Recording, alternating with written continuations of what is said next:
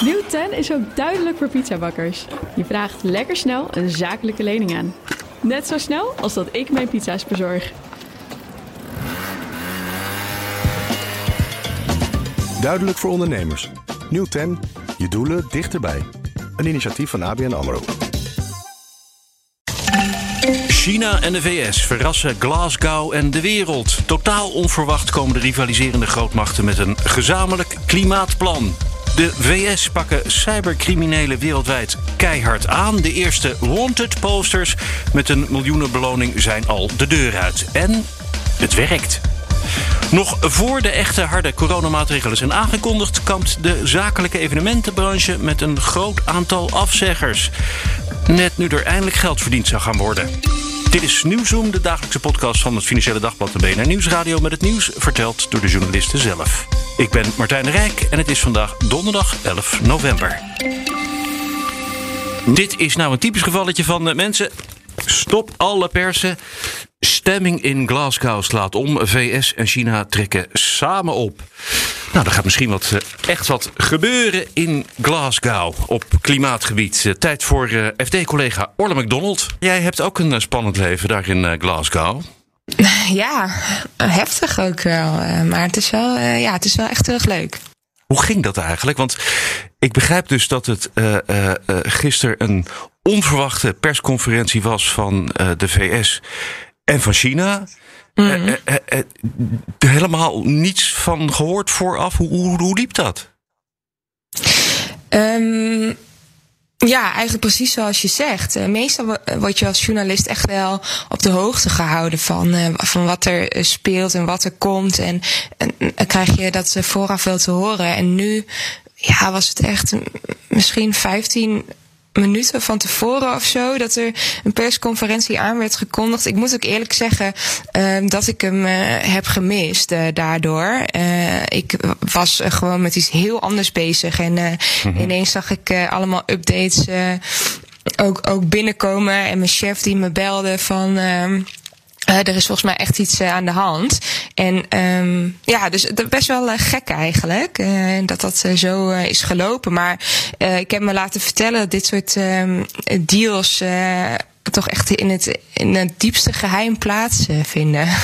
Ja, het, het, het, voelt een beetje alsof ze er echt net uit waren. En, en, en waar hebben die gesprekken dan plaatsgevonden?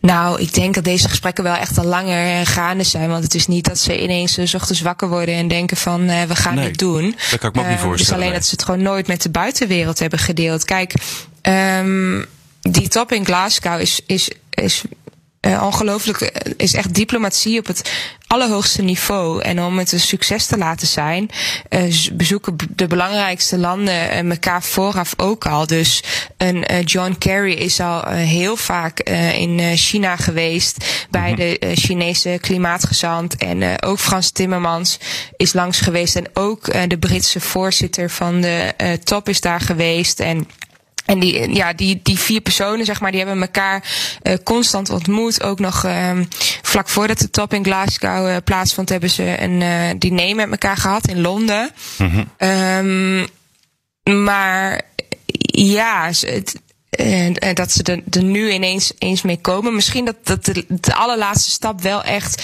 in deze, uh, la, in deze tijdens deze top, uh, hoe zeg je dat? Uh, de, de allerlaatste stap om echt met een statement te komen, dat die uh, wel in deze week van de top is besloten. Ja. Um, wat is er nou uiteindelijk echt besloten? Want het, het is nog behoorlijk vaag, hè? tenminste wat ik ervan zie. Ja, nou, ik heb nu al ben nu ruim een jaar klimaatjournalist en ik heb al heel veel van dit soort teksten gezien. Um, ik moet toch zeggen, um, er staan er best wel wat pittige woorden in hoor. Er staat uh, bijvoorbeeld dat het komende decennium een beslissend decennium is um, om klimaatverandering aan te pakken. Er staat uh, de klimaatcrisis is uh, urgent. Um, ze hebben het erover hoe belangrijk klimaatverandering is. En dat soort uitspraken zijn voor een land als China, als allergrootste uitstoter ter wereld, dat nog niet voornemens is om zijn steenkool uh, centrales dicht te doen, uh, vind ik dat uh, best wel grote woorden. Um, dus ik zou het vooral zien ook als grote symbolische waarde. Ehm, er staat bijvoorbeeld, we gaan CO2 bestrijden in sectoren als de energiesector en de transportsector. Er ligt een, eh, een plan om eh, methaan, eh, methaanuitstoot te reduceren. Dat is een ander broeikasgas dan CO2, eh, wat ook echt heel schadelijk is en wat ook veel voorkomt. Um, China heeft eigenlijk überhaupt nog nooit echt concreet iets over methaan gezegd, terwijl zij in hun eigen landbouwsector uh, best wel veel van dit broeikasgas uitstoten. Dus ook dat vond ik zelf opmerkelijk. Maar kijk, um, het is gewoon zo. Um, Um, die, die, deze twee landen die, die hebben al zo lang een, uh, een wereldhandelsstrijd. En Biden zit nu uh, ongeveer een jaar in het Witte Huis. Daarvoor zat er Donald Trump, die echt helemaal niets van ja, klimaatbeleid wilde weten. China die heeft sinds nou, een jaar ruzie, het alleen maar ruzie wilde maken met, ja, alleen maar ruzie wilde maken met, met China. Ja, precies. Gewoon ja. zo de ruzie tussen die landen. Maar ook, ook wat ze aan het klimaatbeleid deden en hoe belangrijk ze dat vonden. China heeft ook pas sinds een jaar een klimaatdoel. En het, het gaat hier wel om de grootste twee uitstoters ter wereld. Echt by far. China is goed voor 30% van de uh, wereldwijde uitstoot. Uh, de VS um, uh, iets, iets minder. Ik, ik, ik, ik weet het precieze cijfer niet. Maar de EU komt als derde met uh, 8%. Um, dus de VS die zit daartussen. Dus ja, je kunt je wel voorstellen wat voor een uh, impact dat heeft. Als twee van zulke grote uitstoters uh, überhaupt zeggen dat ze dit een heel belangrijk onderwerp vinden. En dan ook nog met elkaar uh, die strijd ja. aan willen gaan. En dan ook in het geval van China voor het eerst echt hardop zeggen. Dit is heel belangrijk, want dit ja. is een beslissend decennium. Hè, zo, in die woorden zo ongeveer. Dat ja. verplicht ook wel om echt iets te gaan doen. Hè. Dat is niet dat, dat is ondanks misschien dat ze geen harde cijfers noemen, toch best wel verplichtend. Um, ja, dat, of, het lijkt me nu wel. toch twijfelen? Je kunt je ook voorstellen, kijk, China heeft ook in eigen land echt best wel veel last hoor, van klimaatverandering. En van luchtvervuiling natuurlijk. Uh, veel smog in de steden. -hmm. um, dus de bevolking heeft daar ook veel last van. Dus ze zijn echt wel bereid om, om daarin uh, stappen te zetten. Alleen het land is gewoon heel erg afhankelijk van zijn steenkoolcentrales. En um, ja, misschien dat, dat, dat ze dat dan nu dan toch verder gaan proberen af te bouwen. Meer investeren in hernieuwbare energie. Um, China is gewoon een land dat alles uh, echt precies zo doet zoals ze dat uh, zelf willen. Dus ze zullen zich nooit iets laten verplichten door, uh, door andere landen. Maar gezien het feit dat ze gewoon ook zelf al last hebben van klimaatverandering en nu dit statement, ben ik heel benieuwd wat er de komende half jaar daar vandaan gaat komen. Hey, er is nog een dagje te gaan hè, voor, dat hele, voor de hele top daar. Betekent dit, nou ja, eigenlijk twee dagen, dan moet ik vandaag maar even meetellen. Maar wat betekent dit nou? Nou, het betekent vooral, um, denk ik. Um, kijk, China heeft best wel veel invloed op uh, andere grote uitstoters. Bijvoorbeeld um, Brazilië, India. Um, nou, in mindere mate ook wel Rusland. Um, dus ik, ik denk dat als, als zo'n land naar voren komt en zegt: hé, hey, dit is echt belangrijk, dat andere landen dan ook eerder geneigd zijn om uh, daarin stappen te zetten. Dus dat kan misschien nog wel verrassende wendingen hebben voor het slotakkoord dat er uh, vrijdag moet liggen. Want Brazilië is ook echt een uh, dwarsligger wel op, op uh, dat gebied om daar, daar een uh, ambitieus slot, slotakkoord van te maken.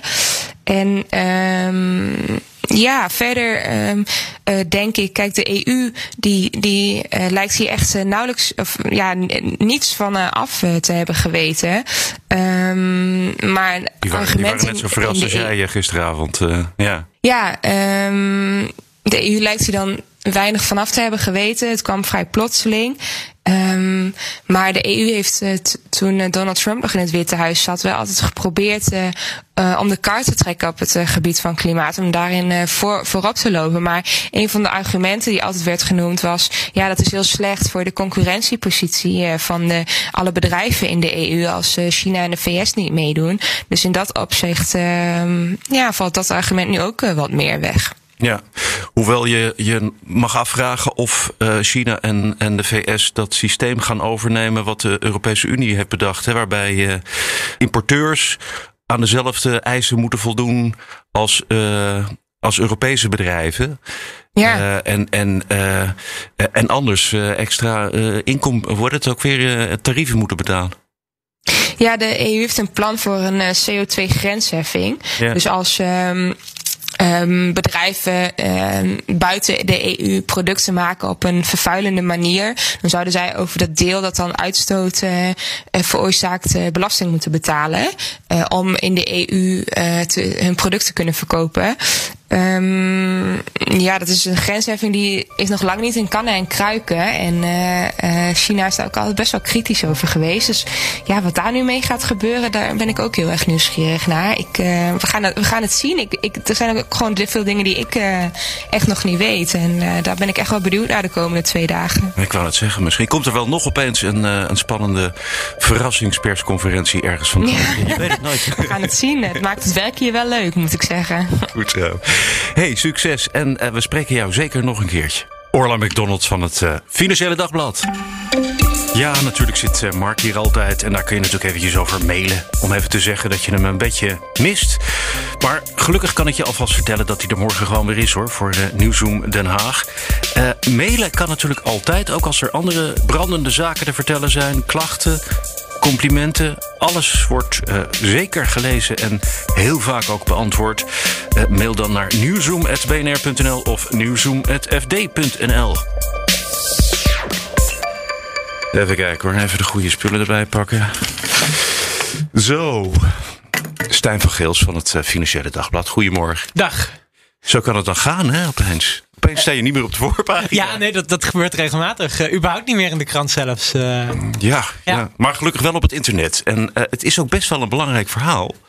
ja, maar het is tegelijkertijd, moet ik eerlijk zeggen, ook gewoon wel minder, ja, minder urgent dan zo'n deal die dan gesloten wordt. Want dit is ja. toch een, een, trend die eigenlijk al wat langer gaande is. En, en, waar ik eerlijk gezegd ook al wel een paar dagen mee bezig was. Mm -hmm. Want we hebben het over cybercriminaliteit. Ja, ja.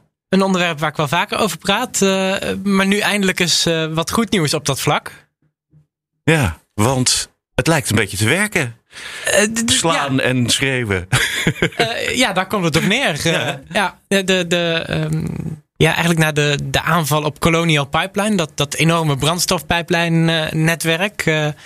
Um, en misschien ook al wel een beetje daarvoor uh, zijn de Amerikanen veel assertiever geworden in, uh, uh, ja, in het opsporen van, ja, van die criminele groepen die achter die aanvallen zitten. En um, dat boezemt toch echt wel serieus angst in. Aan de andere hoor kant. ik links en rechts. Ja. ja. ja.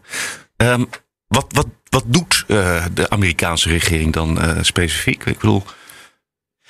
Um, Hoe wat, ziet dat eruit? Wat zij vooral doen, uh, en het is op zich ook niet de Amerikaanse regering alleen. En op zich gebeurt dat al wel een tijdje. Maar uh, wat, wat vooral nu gebeurt, is dat het veel, uh, veel luidruchtiger gebeurt. Waardoor criminelen ook bang uh, worden.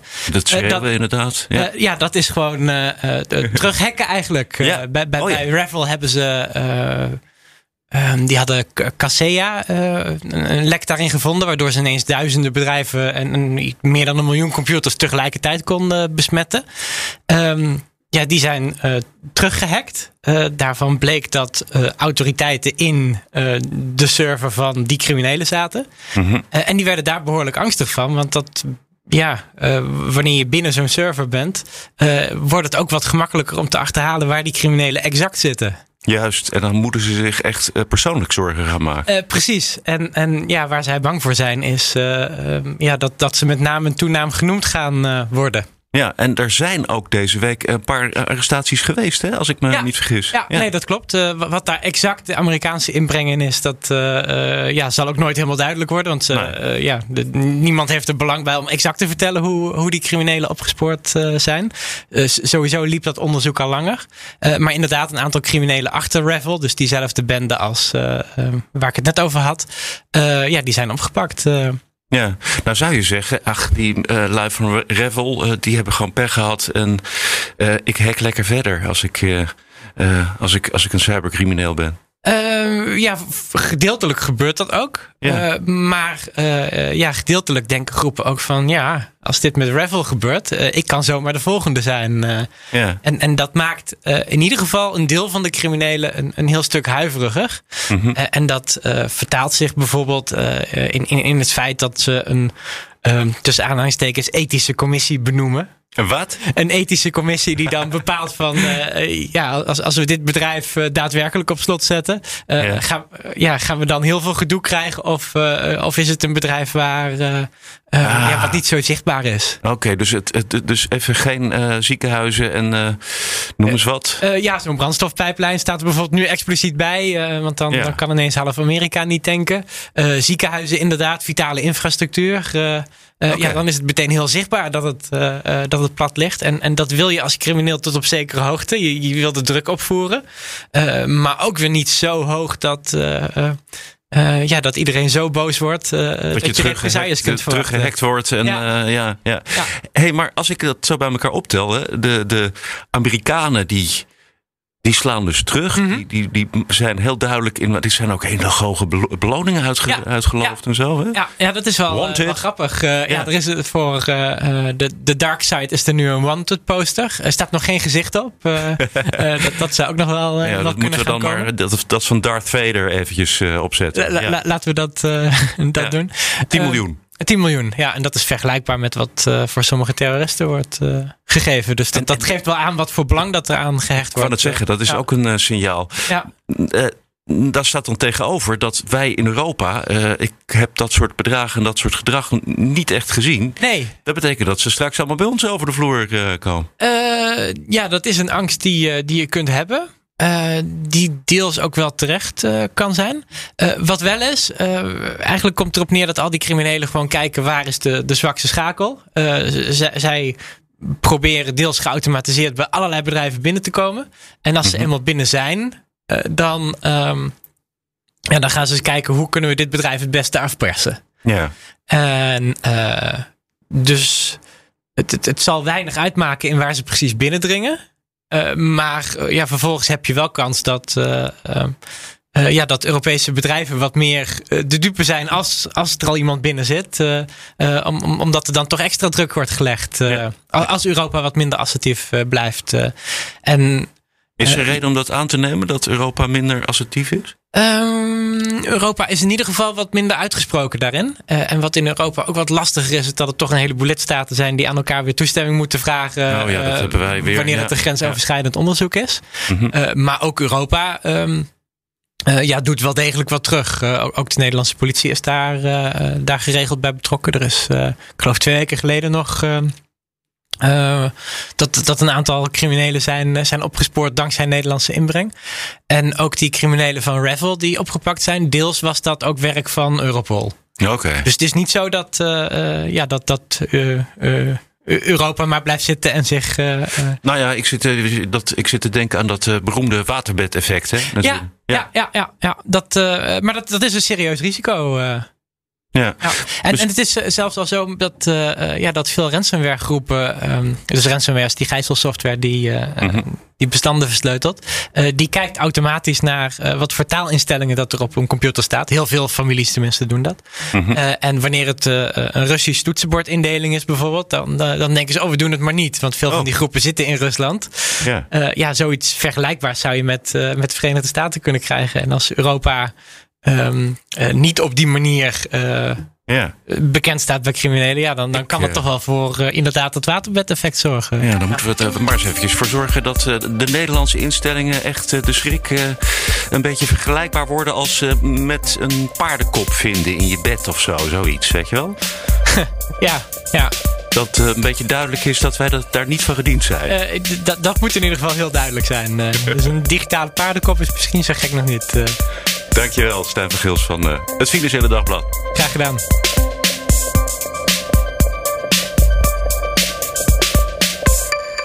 Gaan we over naar Diederik de Groot, vaste kracht in BNR Nieuwsroom.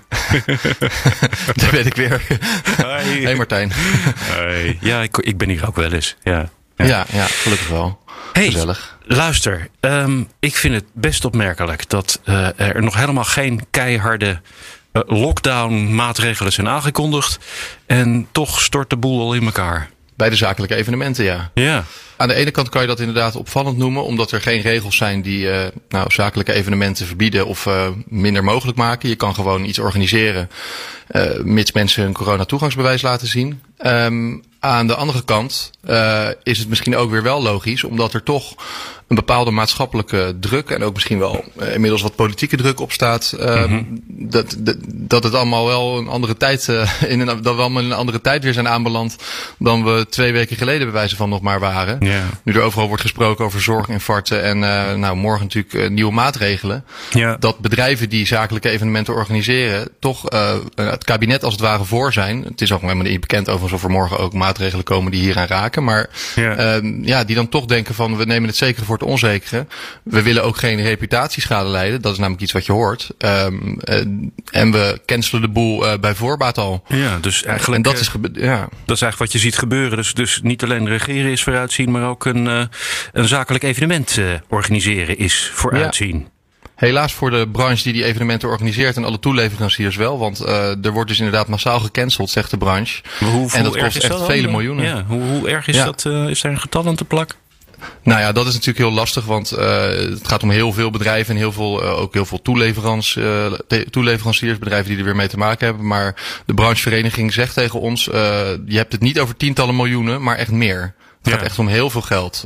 want ja, je moet je voorstellen, als jij een heel groot congres organiseert, wat er allemaal wel niet aan, um, aan kosten bij komt kijken. En wat je daar allemaal niet aan kan verdienen ook. En niet alleen als bedrijf die het organiseert, maar ook alles wat er omheen zit. Dus uh, er komen mensen uh, in een hotel slapen, er gaan mensen uit eten, er komt een catering, de zaal wordt afgehuurd. Bijvoorbeeld de rijen huur, je af. Nou ja, die, verliezen er natuurlijk allemaal op. Mhm. Dus het is nogal wat. Ja, ja. Nou sprak ik, ik heb het eventjes uh, uh, teruggezocht, uh, op 12 augustus was dat. Uh, uh, Rijpkema van uh, CLC Vecta, dat is die brancheorganisatie die jij heel goed Ja. kent, volgens mij. Ja.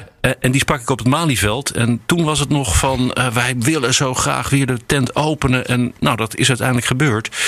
Toen waren ze ontzettend blij. Maar het, het, het, het wordt dus toch weer een rotjaar. Komt het daar nou op neer? Daar zijn ze wel bang voor. En inderdaad, ze waren heel blij en ze waren ook volop aan het organiseren. Er vond weer van alles plaats. Uh, ook uh, in december staan er ook allemaal weer grote congressen gepland. En dan is het natuurlijk wel een hele forse tegenvaller als je erop had gerekend dat het allemaal weer uh, open kon en open bleef. En dat je dus ook wat schade in kon halen van de afgelopen tijd. Mhm. Dat er dan in één keer dit overheen komt. En dat er dus voordat er überhaupt al beperkende maatregelen zijn genomen. Dus je mag het eigenlijk nog allemaal gewoon organiseren. En dat kan ook veilig, zeggen zij. En daar, de cijfers geven ze daarin ook in zekere zin gelijk. Want er zijn geen Mhm. cijfers bekend of brandhaarden bekend die uh, ontstaan zijn op dit soort evenementen. Nee. Uh, ja, dan is dat natuurlijk nogal uh, een domper. En Ja. ik zeg het nogmaals, dat al voordat er überhaupt maatregelen zijn genomen vanuit de overheid, die morgen worden verwacht. Uh, dus ja, die, dan kan er bij wijze van in één keer alles ja, van de agenda. Wat, er, wat we dan nu horen is een, dat er een korte lockdown van twee weken wordt voorgesteld. Ja, dan zou het, uh, als je het hebt over twee weken evenementen annuleren, dan uh, nou, is dat natuurlijk heel erg vervelend. Maar dan is het misschien nog enigszins te overzien als je daarna weer verder kan. Maar wie zegt dat dat kan? Ja, wie zegt Dus, eh, dat het bij twee weken blijft? Hè? Want het moet wel Precies. werken dan in die twee weken. En twee, we- twee weken is wel heel kort om het echt ook al terug te zien in de cijfers zelfs. Ik bedoel, ja, we zijn ondertussen allemaal eh, aardig eh, geworden in het inschatten van die cijfers. En het heeft meestal wel langer geduurd voordat je echt de cijfers zag dalen. Op het moment Ja. dat de boel op slot ging. Ja, waar je dan, uh, wat je dan zou kunnen zeggen is, uh, we hebben vorige week natuurlijk ook een nieuw pakket maatregelen gehad. Dat was weliswaar uh, absoluut niet zo zwaar als wat er nu aan dreigt te komen. Dat je dus als je dan nu er weer twee weken overheen gooit met een zwaardere lockdown, dat je misschien uh, in die tijd ook wel al het effect ziet van die eerdere maatregelen, die dus nu uh, net zijn uh, genomen vorige week. Ja, ik uh, zie het ook somber in, moet ik zeggen. En um, uh, nou ja, nogmaals, het sentiment is al zo in die zakelijke evenementenmarkt althans, dat je het dus blijkbaar uh, niet zomaar meer kan doen. Dus dat bedrijven eigen voor hun geld kiezen, of nou ja, eigenlijk niet. Ja, maar precies, ja. um, uh, het zekere voor het onzekere nemen en de stekker er al zelf uittrekken. Dat gaat natuurlijk ook niet beter worden als er zo meteen twee weken aan maatregelen overheen komen. Want ja, je moet ook een evenement plannen natuurlijk. Dus stel, je hebt een evenement gepland net in de week nadat die twee weken eindigen.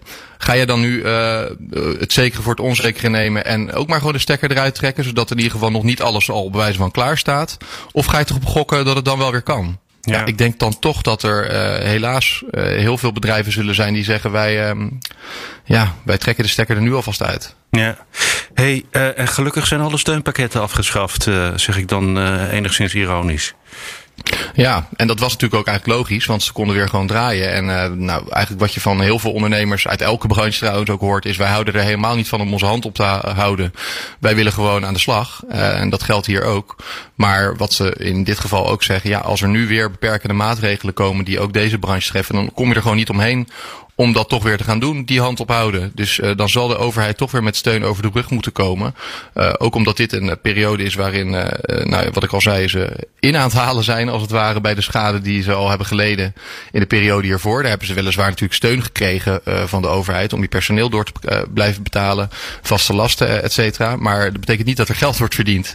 Um, en als daar dan nu overheen komt dat het allemaal weer helemaal dicht gaat en daar zou geen steun tegenover staan, ja, dan krijg je als bedrijf natuurlijk wel heel snel problemen. Uh, bijvoorbeeld, uh, we spraken met Pieter Bas Boertjes van DNB Event Marketing. Dat is zo'n bedrijf die die evenementen organiseert. Die zei ook gewoon van dat, dat, wordt dan heel zwaar. En dan ontkom je er toch niet aan hoe graag je ook anders zou willen om naar de overheid te kijken voor nieuwe steun. Ja. Nou, Diederik de Groot, om verdere uh, schade aan ons uh, imago te voorkomen, zou ik dit uh, evenement verder willen aflossen voor vandaag. ja, ging het de verkeerde kant op? ja, die cijfers, joh. Echt. ja, ja. Nou goed, nou, dan stoppen we ermee. Goed. Tot de volgende keer. Dat was Nieuwzoom voor vandaag. Heel graag tot morgen.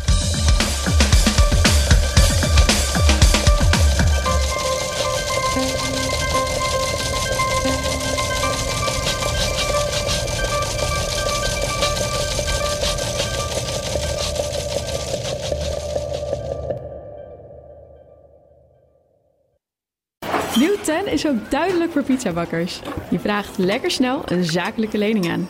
Net zo snel als dat ik mijn pizza's bezorg. Duidelijk voor ondernemers. Nieuw 10, je doelen dichterbij. Een initiatief van ABN AMRO.